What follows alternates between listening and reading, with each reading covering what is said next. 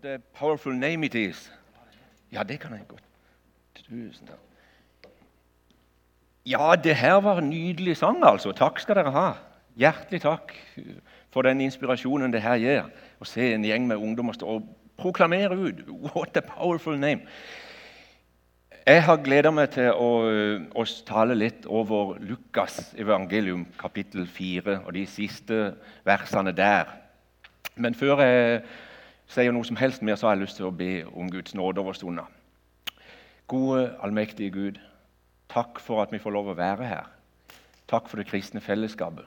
Takk at vi får lov å, å komme sammen, synge sammen, be sammen, løfte ditt navn opp, Herre Jesus. Heie på hverandre og motivere hverandre til å gå videre ut med evangeliet. Jeg ber god Gud om velsignelse over samlinga vår. Jeg ber om at uh, ditt navn, Herre Jesus, må bli herliggjort iblant oss. Og gi meg nåde til å, å legge ditt ord fram sånn som du ønsker det skulle lyde. Rør du med hjertene våre, Herre, i Jesu navn. Amen. I Lukas 4 så leser vi om at Jesus ble frista av djevelen. Og vi leser at han reiste rundt etterpå. Djevelen klarte ikke å beseire han, takk og lov. Etterpå så reiste Jesus rundt i synagogene i Galilea, nord i Israel. Og Han var bl.a. i sin egen by Nasaret. Det var jo ikke der han var født, det var jo Betlehem, men han vokste opp i Nasaret. Og eh, Der besøkte han også synagogen. Og Til å begynne med så syntes de det var storveis når Jesus leste fra profeten Jesaja, bokrullen som ble rakt han. Men uh, stemningen snudde fort da han begynte å, å, å, antyde at det er ingen som blir profet på sitt eget hjemsted. Og, og Jeg ga noen eksempler fra Det gamle testamentet uh, som ikke de likte å høre. Og, og, uh, og det endte med at de holdt på og så styrte han i døden og, og pressa han utfor klippekanten i Nasaret. De av dere som har vært der, vet at et fall fra den klippen kan ingen overleve. Men da Jesus var kommet fram på kanten, og de var klare til å skyve han utfor, så snur han seg så går han rett gjennom. What a powerful name!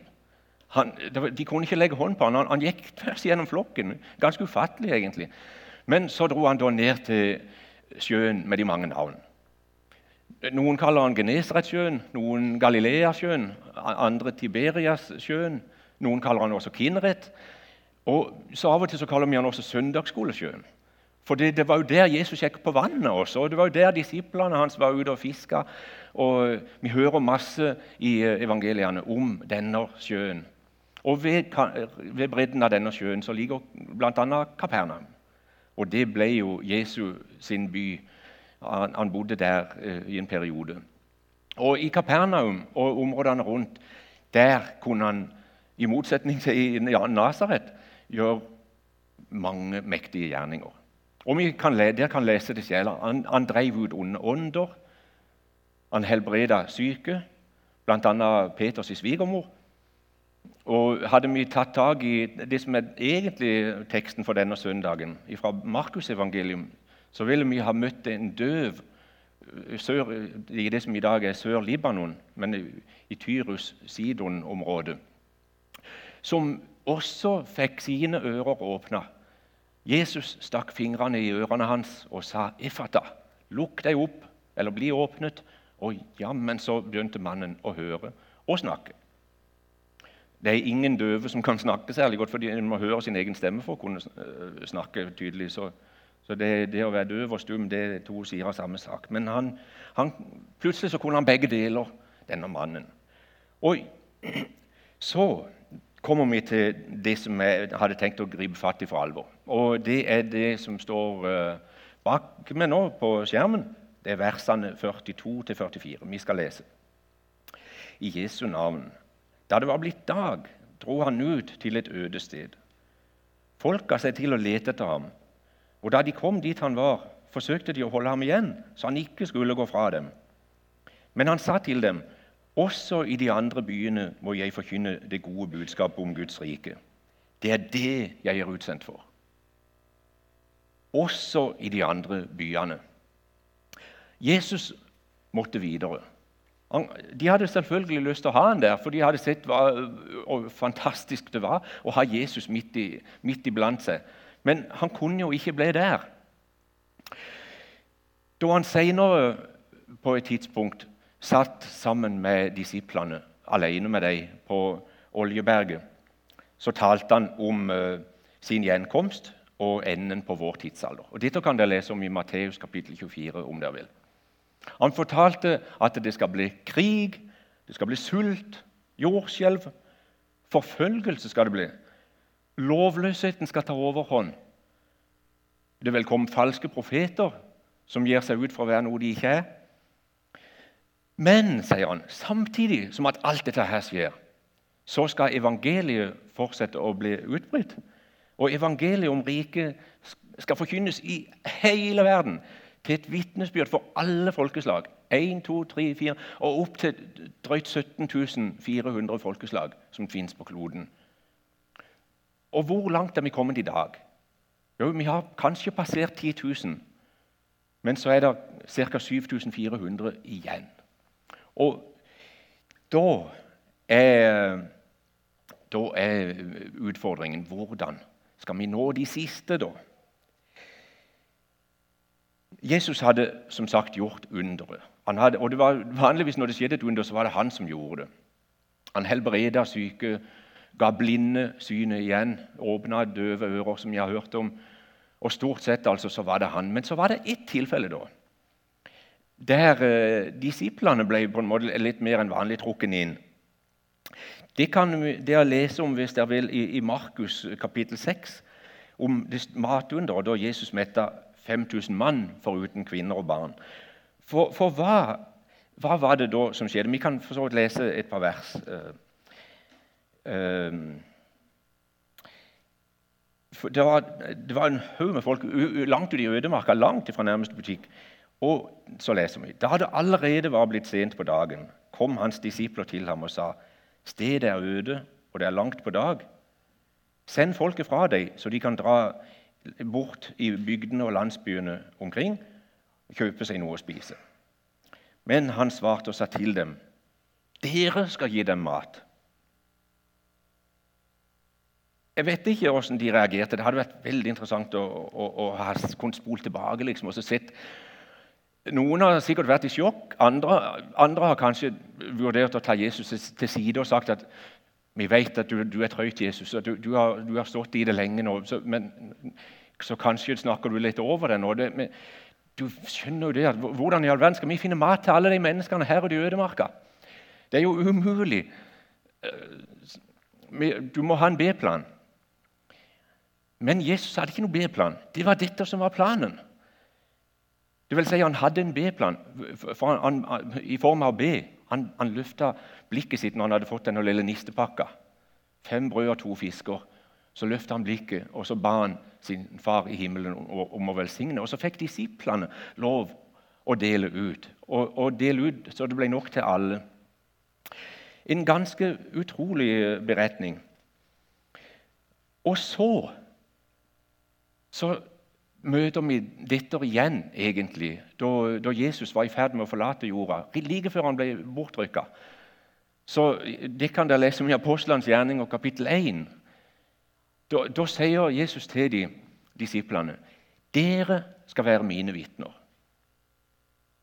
Og, og, ikke bare her i Jerusalem og områdene rundt, men like til jordens ender. Og jeg tipper igjen så, så har de nesten blitt himmelfallen. Vi, tolv mennesker Har du en B-plan? Men Jesus hadde ikke noen B-plan. Det var dette som var planen. Men kanskje la han en, en B-plan inn over disiplene. Ja, dette kan det er bare mulig gjennom bønn og, og, og, og åndens fylde. For dere skal få kraft, sier han, idet Den hellige ånd kommer over dere. Og dere skal være mine vitner. Så det var på sett og vis en B-plan men ikke sånn som vi vanligvis tenker med, med B-planer. da. Disiplene gikk ut. De ble apostler, holdt jeg på å si, og, og, og de, de, gikk ut og forkynte evangeliet. Og så ser vi det at evangeliet er veldig tydelig på at alle de som tok imot ham, ga han rett til å bli Guds barn. De som tror på hans navn. Det er Johannes som skriver det i sitt første kapittel. Alle som tok imot ham, ga han rett til å bli Guds barn ved troen. Så møter vi dette igjen i, i Romerbrevet, der Paulus utdyper litt. Og Han uh, gjentar igjen i kapittel 10 i Romerbrevet Hver den som påkaller Herrens navn, skal bli frelst. Tenk så enkelt. Hver den som påkaller Herren og roper 'Jesus, hjelp meg! Frels meg!' De skal bli frelst.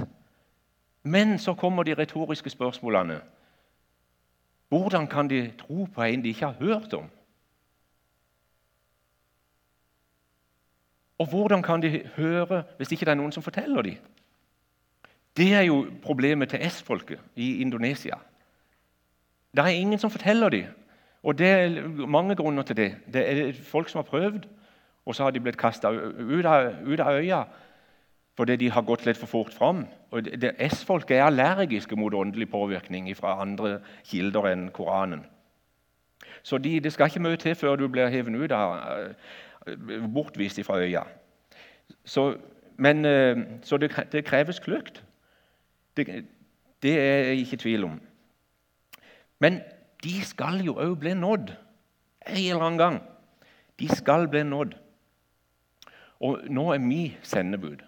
Da Jesus gikk rundt på jorda, så, så, var, så forkynte han altså sammen med disiplene.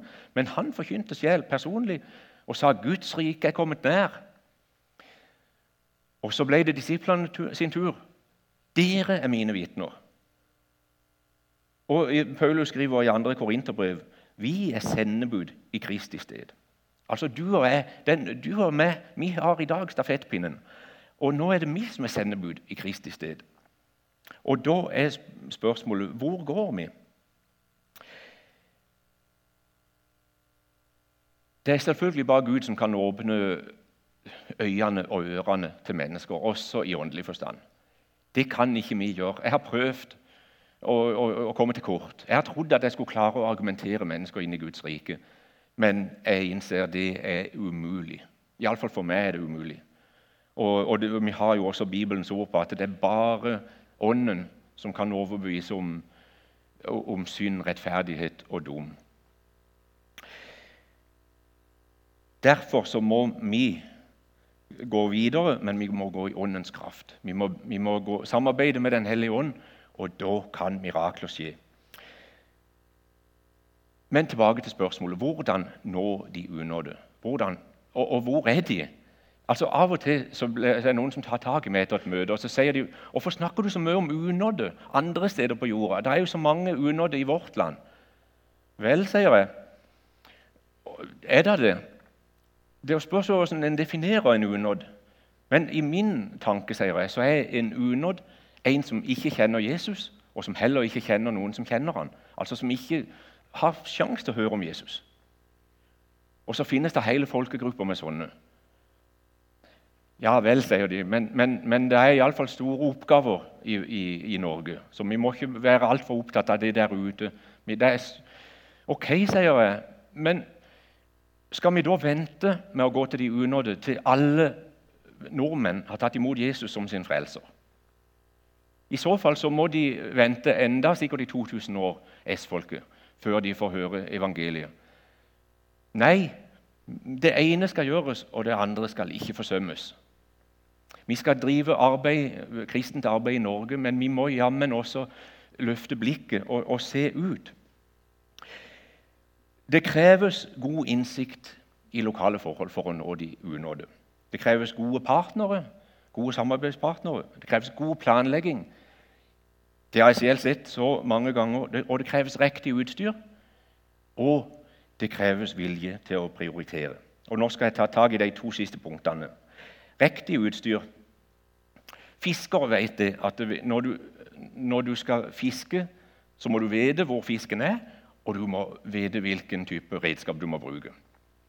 Og Yrkesfiskere de kan seile rett ut og slippe lina ned, og så vet de om det er torsk de får, eller om det er andre typer fisk. De vet akkurat hvor de finner dem, og, og hva de skal bruke for, for, å få tak i dem.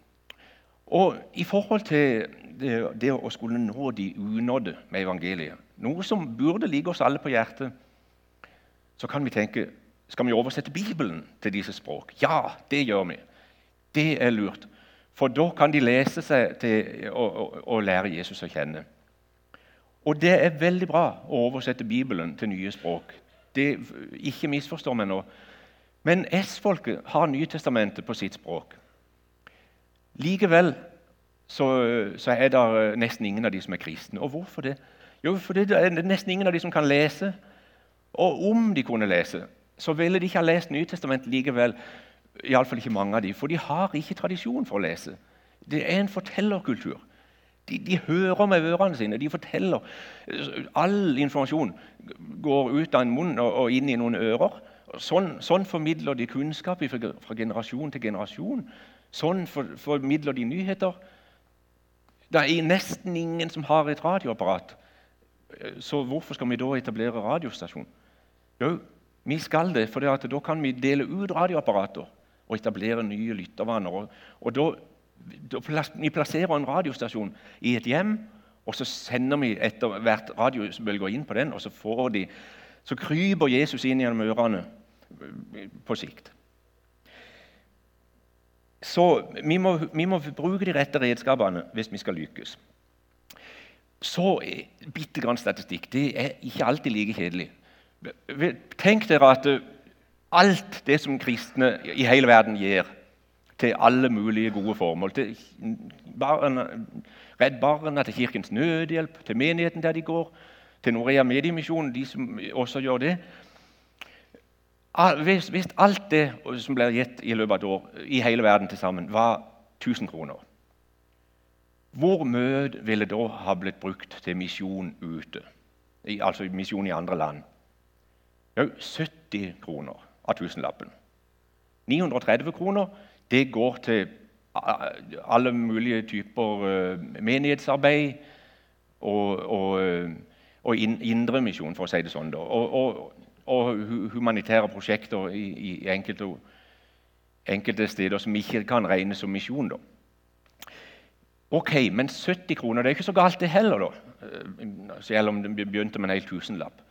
Men når vi da vet at en tredjedel av verdens befolkning er helt unådd, ja, da skulle vi tenke at ok, da må, burde iallfall halvparten av de 70 kronene gå, pløyes inn der. Men hva er, hva er faktum? Jo, faktisk mindre enn én krone av de 70 brukes på den siste tredjedelen. Sånn kan det simpelthen ikke fortsette. Hvis vi skal ha håp om, om å fullføre misjonsoppdraget, så må vi nok prioritere hardere. Og Derfor har vi i Norea Mediemisjon valgt å bli kjerringa mot strømmen. Vi går motstrøms. Vi sier det at når, når andre, mange andre organisasjoner og NLM er, er mye, mye bedre enn snittet, selvfølgelig. Så det, det, er ikke NLM jeg snakker om nå. Men, men alle verdens uh, misjonsorganisasjoner sitter under ett. Hvis de i, i gjennomsnitt bare bruker 1 av misjonsmidlene inn mot den siste tredjedelen, ja ok, da vil Norea bruke alt. Vi går all in. Yes! Hver eneste krone til Norea skal være ei misjonskrone til de minst nådde. Sånn skal det bli. Vi er på 98% i dag, så vi har to, to små prosent igjen før vi er på 100. Og, og det er klart, det er ikke det er ikke sånn at vi kan sende ut alle kronene vi samler inn. Noe trenger vi i Norge også til å drive radio- og TV-arbeid her. Men, men, av misjonsbudsjettet, som i år er på 13 millioner kroner, så skal altså 98% i dag pløyes inn i, de, til, i misjon blant de aller, aller minst nådde. Jeg er litt stolt over å kunne si det. Og så er det også moro å kunne si at allerede så vinner vi nye områder. Vi inntar nytt land for Herren. År for år så inntar vi nytt land for Herren. Og så får vi høre tilbakemeldinger fra mennesker som bor bak stengte grenser. Takket være radiosendingene deres så har jeg fått lov å lære Jesus å kjenne. Eller grunn, gjennom TV-sendingene som distribueres av Sat7, så fikk jeg lov å høre om Jesus for, for første gang. Og nå sier en, så har både jeg og familien min tatt imot Jesus. Og Ungene mine ser kristent barne-TV. Selv så ser vi på, på de voksne programmene. Og det er ingen kirke der vi bor. Så Derfor så er det dere som står bak de programmene, som er kirka vår. Og det er dere som støtter de programmene som er menigheten vår. Ganske sterkt å høre, og, sånne tilbakemeldinger får vi støtt og stadig. Så jeg har lyst til å ønske deg velkommen med på vinnerlaget, om ikke du er det fra før. Men jeg vet at det der sitter mange her allerede som, er, som sender penger til Norea, og som er med og løfter arbeidet vårt i bønn. Så tusen takk skal dere ha, hver og en av dere. Og, men vi har plass til flere på laget. Vi vinner mennesker der få eller ingen andre kan vinne mennesker for Jesus. Og så skal vi se fram mot den dagen da, som vi leser om i Johannes' åpenbaring kapittel 7, vers 9. Deretter så jeg en stor skare, så stor at ingen kunne telle den, av alle nasjoner og stammer, folk og tungemål. De sto for tronen og lammet, kledd i hvite kapper og med palmegreiner i hendene. Og Tenk om du, når du står der, kunne få høre en si at vet du, det var pga. en mediespiller som du finansierte via Norea Mediemisjon, at jeg fikk lov å høre evangeliet om Jesus. For det, Når vi kommer hjem en gang, så vil alle sammenhenger bli åpenbart for oss. Da vil Det som vi her ser stykkevis og delt, det vil bli bretta ut. Vi, vi, vil se kan, Noen kan kanskje få høre at det, det du sa den gangen du var søndagsskolelærer for meg, den, eller den bønnen du ba som søndagsskolelærer, den ringte i ørene mine. Og den førte til at jeg valgte å si ja til å følge Jesus. Eller kanskje du vil få høre Fordi du delte et vitnesbyrd med meg i en sammenheng, så, så, står jeg i dag her sammen med deg, kledd i hvitt, og, og, og, og hyller kongenes konge. Måtte Herren rikt velsigne det arbeidet som drives herfra i, i, forsamlingen. Og måtte Han også velsigne hver enkelt av dere som er her nå, i den tjenesten dere står. Men er det altså noen som har lyst til å, å bli med på, på Norea sitt sjelvinnerlag, så ta en prat med meg etterpå ute i foajeen. Som vanlig så er det vel jeg som er den siste som går. Du pleier, Kona klager litt på det. Alt, selv om jeg ikke står på talerstolen, så er det gjerne jeg som går sist likevel. Men det blir iallfall sånn i dag. Så med Guds velsignelse over dere alle.